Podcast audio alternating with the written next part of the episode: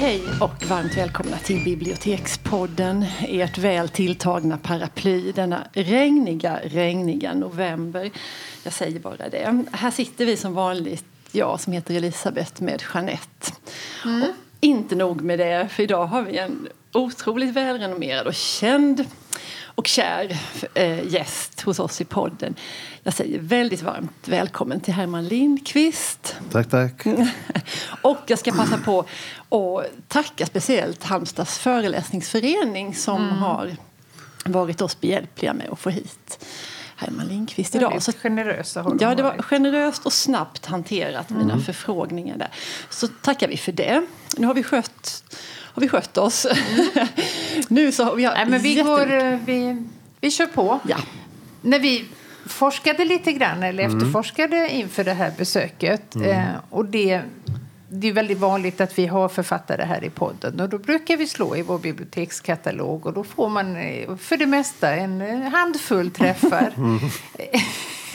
Så inte med Herman Lindqvist. Det var sida upp och sida ner. Och vi försökte filtrera och ta bort dubbel-X, för ibland är det ju stor stil och så vidare. Men även när vi hade gjort detta så var det alltså hur många som helst. Hur, eh, hur hinner du?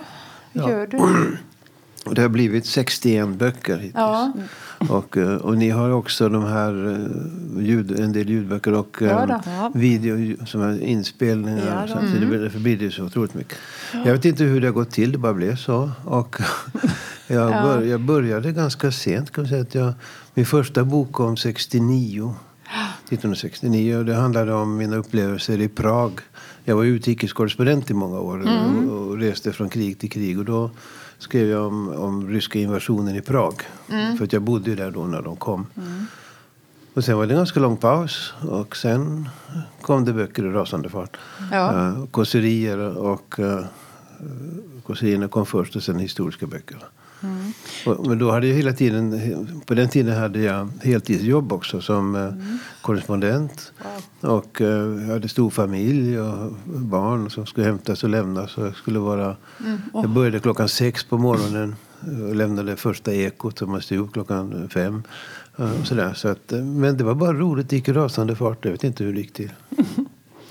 Nej, det här med att det, det funderade vi också på det att du började som journalist, att mm. det var liksom det första. Och ja. sen så övergick det liksom mer och mer till, till författarskapet. Var det ett medvetet val? Såklart kanske det var. Men, men hur gick tankarna kring det då? Ja, det är så att de flesta journalister vill ju också skriva böcker. Mm. Uh, och uh, jag ville bli journalist när jag var 12 år mm. uh, ungefär. Mm. För min pappa var också utrikeskorrespondent i andra världskriget. Han var i Berlin och London under hela mm. kriget. Och jag växte upp i ett hem. Min pappa var utrikeskorrespondent. Sen var han eh, kulturansvarig på svenska ambassaden i Helsingfors. Så att jag växte upp omgiven av eh, journalister och korrespondenter och mm. författare som kom på besök. Så jag var, kunde inte tänka mig något annat som jag var 12 år. Nej. Och, eh, och som, så att jag tänkte att jag skulle bli författare och, och skriva i tidningarna. Och från det jag var 24 år så var jag utrikeskorrespondent. Mm. Mm. För, först för Aftonbladet i hela Östeuropa. Jag eh, satt i Prag och sen så drog jag från krig till krig. Så det blev över 20 krig mm. så småningom. jag har bott i 10 olika länder. Med hus och hem och hund och barn och, och, och eh, i alla världsdelar. Mm. Och sen från 1990 ungefär 90, 91 mm. har jag varit författare på heltid. Mm. Och eh, det journalistiska har varit en väldigt bra grund och skola för det här. För att om man är utrikeskorrespondent i synnerhet eh, och journalist så, så måste man ha en väldig arbetsdisciplin. Mm. Man, måste, eh, man har kort tid på sig, man har en deadline. Så har man kort tid på sig att samla in så mycket information man kan. Mm. Så vet man att nu kan jag inte hålla på längre, nu måste jag sätta igång och skriva. Mm. Och så skriver man och så lär man sig att få fram de göttaste bitarna mm. ur det material man har. Mm. Och sen följer man Astrid Lindgrens regel för en bra bok. En bra bok är som en gädda. Först ska den ha vassa tänder som hugger tag i läsaren. Så, så att man inte släpper eller börjar bläddra. Nej, Då är det kört. Och mm, sen ska det vara matnyttigt och sen snärt på slutet. Underbart bra. Nej, inte jag heller, men det är väldigt ja. fyndigt och smart. Och det gäller bara som jag skriver en bok som jag har gjort om Napoleon på 500 sidor. Mm. Eller en kort artikel. Det är samma teknik. Mm. Mm. Bettet och matigt och snärten. Ja. Och sen som journalist, resande journalist i alla världsdelar så eh, har jag alltid läst historia. Mm. Och redan när jag bodde på svenska ambassaden i Helsingfors så läste jag historia för att jag fick lära mig då att det här var inte mitt land, mitt land var Sverige. Och jag skulle ändå ha flyttat till Sverige, hette det. Och då läste man historia. Jag var väldigt intresserad av historia. Mm. Det är mycket bra historielärare. Mm. Och sen när jag flyttade från land till land så läste man det landets historia. Så såg mm. man på den här Sveriges historia. Vad gjorde Sverige när de här gjorde så här? Ja. Och så, så blev det som ett gigantiskt världspussel. Mm. Där man liksom la in mm. bitarna. Och ibland kom man in från det hållet, ibland från andra hållet. Och så kunde man förstå sambanden mycket, mycket bättre än tidigare. Så att man med tiden så, så tycker man sig förstå mer och mer och bättre och bättre ja. hur det hänger ihop. Väldigt spännande. Jag måste fråga, vad var det som lockade den här 12-årige Herman då? Du sa att du ville bli utrikeskorrespondent. Ja, det var de, de berättade om, om spännande saker, om krig ja. Och, ja. och, sånt som jag ville vara med om. För ibland är det ju sådär att man vill göra tvärtom. Om ens föräldrar har gjort si så ska man göra något helt annat. Men de, de satt så här och berättade att det var de kom alltid till Helsingfors när det var kris i Finland. Och det var mm. kris i Finland under hela 50 och 60-talet. Mm. Så att alltid när jag kom hem från skolan och det luktade cigarrök och, mm. och grogg i trappan. Ja. Så stod det att nu är det kris i Finland. Och då satt ja. de där Jolo och Bang och, och alla TG Wickbom. Och, ja. satt de och pratade och skröt och skroderade. Så sa de att han blir inte vald till president, han blir president. Och så blev det så. Det, det var ju fantastiskt Mitt jobb. händelsen. Ja, ja. Jo, men det är klart. det var spännande, det lät lockande. Och så, och så hade jag tur. Jag hade, man måste ha tur i livet, mm. vare sig man är kung eller landshövding. Man är, man, har man otur så går det bara inte. Och jag hade himla tur hela tiden. Jag, jag var mm. alltid på rätt ställe. När jag kom mm. till ett ställe så blev det krig. Det är andras otur, men det min tur. När man kom så blev det jordbävning eller tsunamin. Eller, det hände alltid något dramatiskt när jag kom. Mm. Så, så att när jag slutade med det så kunde säkert fyra skyddsänglar bli lediga i himlen. Fast jag tror att det där med tur hänger ihop med, det säger man alltid om sport, eh, när någon har tur så där i tennis eller så, att det hänger ändå också ihop med skicklighet. Så jag tror att det är likadant i ditt fall, att det kan ja. inte bara vara flax. Det är helt säker på. Och sen också då, under min tid som utrikeskorrespondent så såg jag allt det. Jag har sett krig och, och fasor och jag har sett avrättningar och otroligt lidande. Och, och jag såg den här tsunamin i, i, i Östpakistan 1970 när 300 000 människor dog. Mm. De hängde överallt i träd. Det var, oh. luktade ruttet kött. Mm. Det var alltså, ohyggliga saker har jag sett. Och sen blivit bombad uppifrån och nerifrån och framifrån bakifrån i alla sorters krig. Men jag mm. klarade mig på något konstigt sätt. Mm. Eh, och andra blev skjutna. Så jag satt, min tolk i Beirut blev skjuten. Jag satt i en bil och liksom dog i mina armar. Och jag, jag har sett hemska saker. Mm. Och allt det här finns här. Och när man då skriver om krig så vet jag hur det låter, mm. hur det luktar, hur det ser ut. Och, och jag har känt dödsskräck. Mm. Och det är något helt annat än, än om man har hela sitt liv har suttit i ett arkiv i Lund och vänt på blad. Mm. Och de läser krig som en slags fotbollsmatch. Sverige-Danmark 1-0. Så, det, så blir det ett nytt krig. Och så, och så. Eh, de, de kan inte förstå eh, skräcken och, och, och, det som aldrig kommer fram i, i, i film eller tv, hur bra kameror de än har. Mm. Det är två saker. Det ena är det, ljudet är mycket, mycket högre än vad man hör. Mm. Eh, för det, det, går inte in genom mikrofonen. Och det andra är den här explosionen som kommer kom genom marken. Det är så här, när då tungt artilleri slår ner i närheten så går det mm. så slår upp genom bröstkorgen. Sådär. Och, och sen lukten. Mm. lukten och, brandlukten och, och dött kött och brinnande människor. Och det här lukten, mm. det går ju aldrig fram. Mm. mm.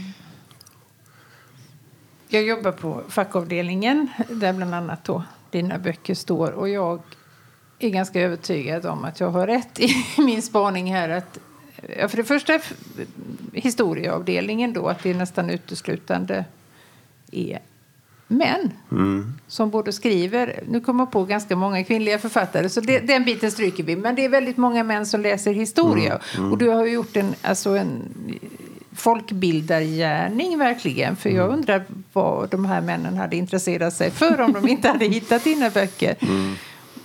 Vad tror du?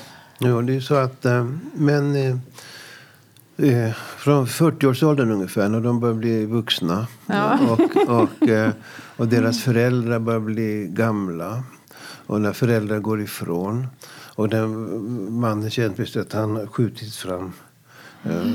nu är han nästa led mm. som står vid stupet. Fast han kanske bara är 45 år, men, men han är där.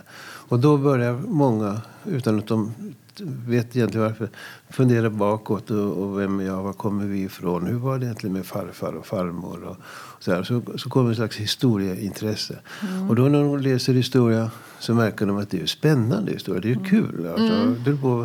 Det, det är mycket action.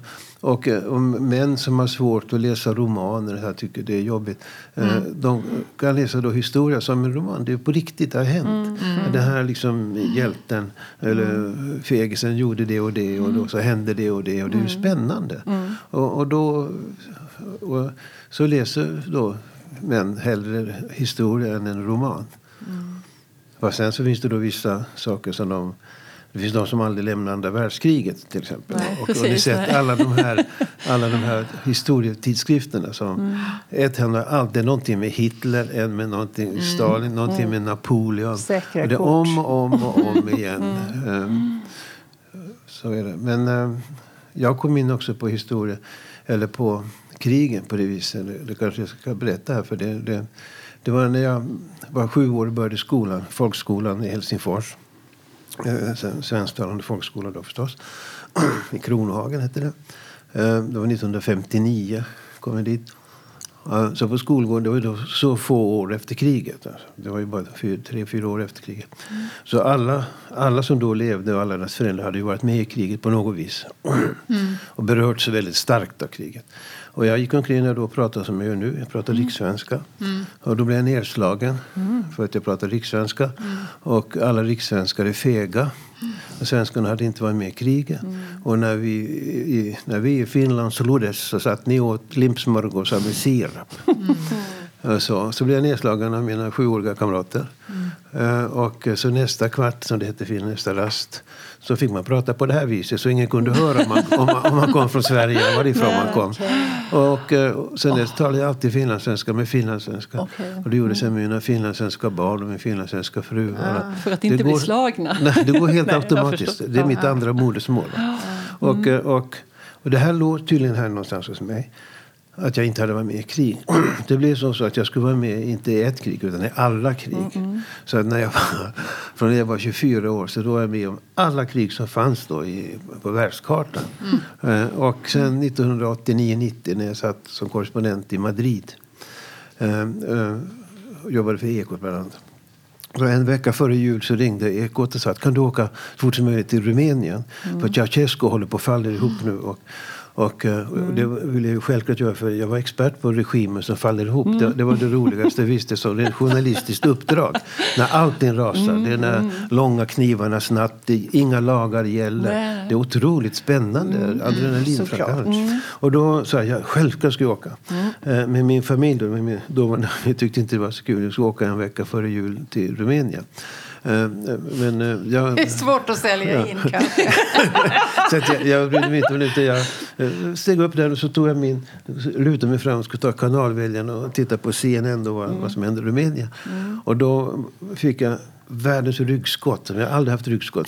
Det är sådana som man kunde inte gå eller stå eller borsta Nej. tänderna. Så här, fullständigt.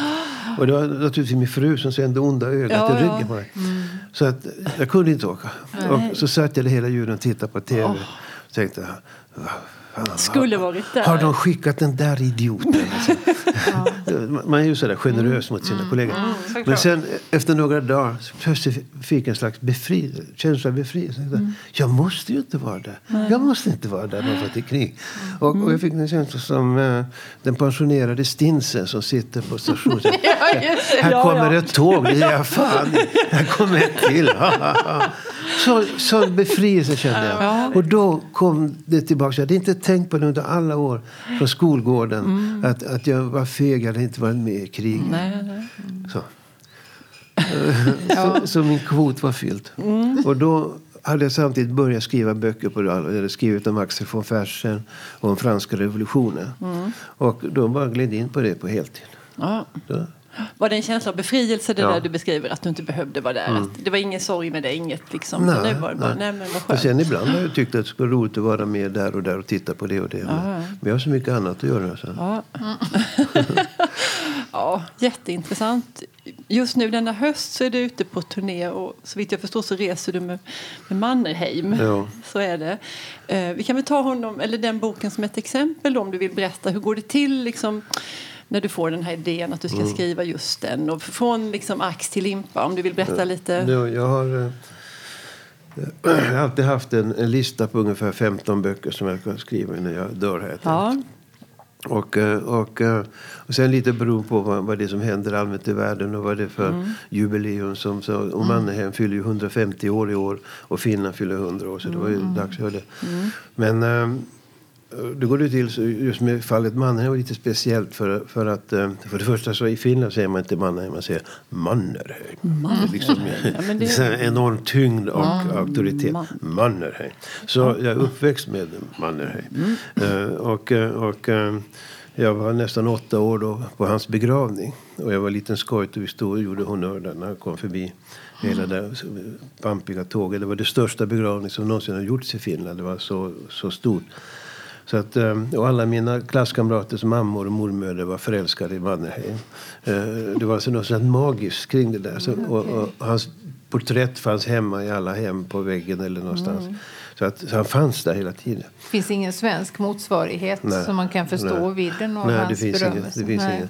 Och då, eh, samtidigt var han så otroligt stor samtidigt så fanns det då massa böcker som talade om den vita slaktaren och allt möjligt. Så det var, ju, det var inte okritiskt. Men han fanns där och jag förstod ju mer, det själv, ju äldre jag blev och ju mer jag reste i världen och var själv med om krig och katastrofer så förstod jag mer och mer hans insats. Och sen, men sen ville jag skriva en bok om Mannheim som inte i första hand handlar om, om krigen, om det var tisdag eller fredag de sköt hit Nej. eller dit med, med, med vilket artilleri och sådär. Ja. Utan om människan. Hur blev han. Mannerheim? Varför ser han ut som han gör? Varför mm. rörde han sig? Varför var han Finlands mest eleganta man genom historien? Mm. Finland är ju inte särskilt elegant land. Och, och, det finns ingen general som såg ut som Mannerheim. Liksom. Uh, och, och, hela hans liv, han var över 50 år när han kom till Finland för att bli befälhavare inbördeskriget. Då hade han levt i 50 år mm. och han trodde själv att hans karriär var slut. Mm. Han var slut som rysk general. Han var i Ryssland i 30 år mm. i tsarens armé. Och, och, det är det livet som är det intressanta. Han var en äventyrare, eh, han var livsnjutare, han var mm. kvinnokarl, fast det får man inte säga i våra dagar. Men det var han. Och, och han upplevde saker som andra bara kunde drömma om. Mm. Och så går man trodde hans liv var slut och så började ett helt nytt liv. Så den boken är ju tidigare oskriven så att säga. Ja. Du berättade en... Eh, och då går det till så när jag skriver. Då, då läser jag på massa, så mycket jag kan. Mm. Och eh, jag försöker också när det gäller historiska personer söka upp alla platser där, där, som var intressanta för den människans liv. Mm. Från födelsehuset till dödshuset ja, till graven. Okay. Mm. Eh, Napoleon så var jag över hela jorden. Jag var på Sankta Helena. Jag var överallt. Mm. Och, man förstår bättre och bättre och bättre när man mm. ser det. Och så eh, känner man plötsligt eh, kring jultid så har jag fått ihop allting. Och då maler det här i huvudet. Och sen en, tidigt en morgon eller mitt i natten så kommer de första raderna till mig. Så, så här ska jag börja. Okay. Ja. Och, och, det är som när man sjösätter ett tankfartyg. Mm. Man, det måste...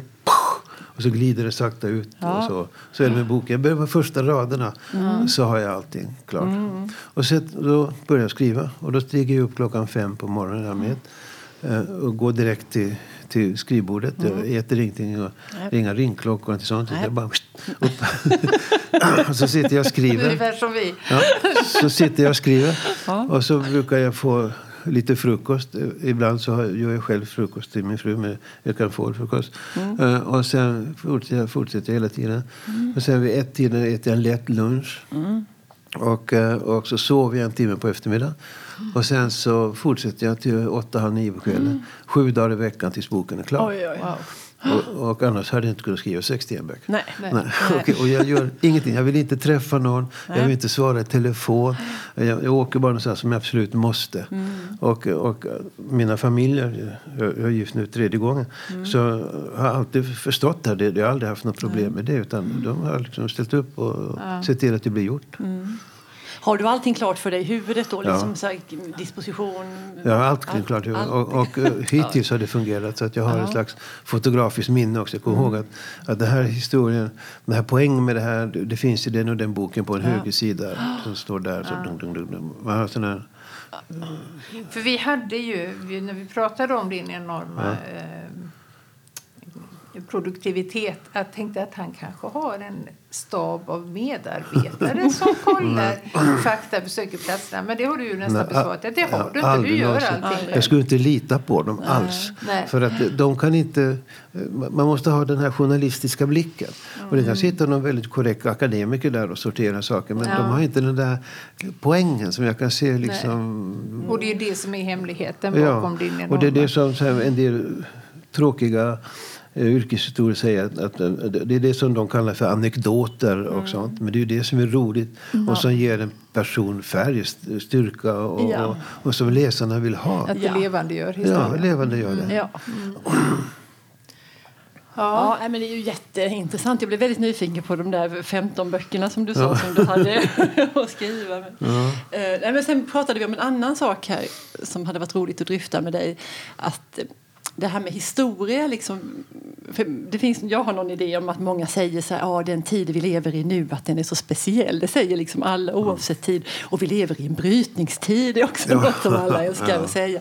Men, men om man skulle, vad, vad, vad, skulle du tippa har hänt i Sverige från 2000 och fram till idag som, som kommer att stå i våra historieböcker om, om 100 eller om 200 år? Har ja, den stora invandringen Mm. Kommer, för, för, det påverkar ju hela nationen, dess uh, utseende och dess uh, hela folkstammen så att säga, mm. förändras. Mm. Det kommer nya seder och bruk och skick och fason och, och, och, traditioner och, mm. och religioner och, och ramadan. Allt kommer att spela en roll i den svenska mm. som inte fanns alls Nej. för hundra år sedan. Nej. Men det här med brytningstid och det, det är ju ingenting jämfört med hur det har varit. Och jag tänker på 1600 1700-talet. Då var det brytningstid. och dramatiskt. Och, ja. och det var uh, otroliga perioder vi har levt i. Mm. Hela första hälften av 1900-talet har ju varit internationellt sett en ren idyll för mm. Sverige. Men mm. där varje år bara blir bättre och bättre. Ja. När socialdemokratin kom så här. Då folk gick från, från uh, fattiga hem till mm. uh, nybyggda fina hus med sopnedkast. Ja. Och, sådär. och sen så kunde de köpa en begagnad bil, sen en mm. ny bil, köpa en mm. sommarstuga. Mm. Och det bara gick så här under den långa Erlanderperioden. Varje år kunde bara bli bättre. Och lönerna steg och allting liksom blev finare och finare. Barnen växte upp och kunde studera och så. Det, uh, ja, det var unikt i världen. För vi pratade om, när vi tänkte då vad som skulle kunna stå i framtida ja. historieböcker så tog vi också det här med invandringen. Men även eventuellt metoo-rörelsen. Att ja, den kanske. kommer att vara startskottet ja. till någonting som kanske... Det, det återstår att se hur djupt det, det går. Se, mm. ja. För att man tror ofta när det är så här saker som händer, det är så omtumlat att nu är allting annorlunda. Men så sätter sig allting igen. Men det som är viktigt med metoo är naturligtvis att att en stor del så här självklart manligt beteende blir, lite, blir uppbromsat självklart. Och, mm. och en, del fruktansvärda historier kommer fram. Det, mm. det är jättebra. Mm. Men eh, sen det, slår det alltid över som det alltid gör i Sverige. Sverige har ett väl, svenska folket har ett fundamentalistiskt drag. Mm. Man går in och då alla är med. Det ska ja. så åt samma ja. håll samtidigt. Mm. Och då blir det en sån här uh, häxjakt. Och, och uh, bara på svaga rykten så blir det fy, fy. Så moralpolisen griper in. Mm. Och utan man riktigt tar reda på vad som egentligen har hänt. Man bara hört att han har gjort si eller så. Mm. Så ber man upp så att det var egentligen inte så farligt. Så att det skulle kräva det enorma eh, peststämpel på den personen. Är det här svenskt menar du? Det ja, här, det, det är riktigt svenskt. Det, ja. det finns inget motsvarande?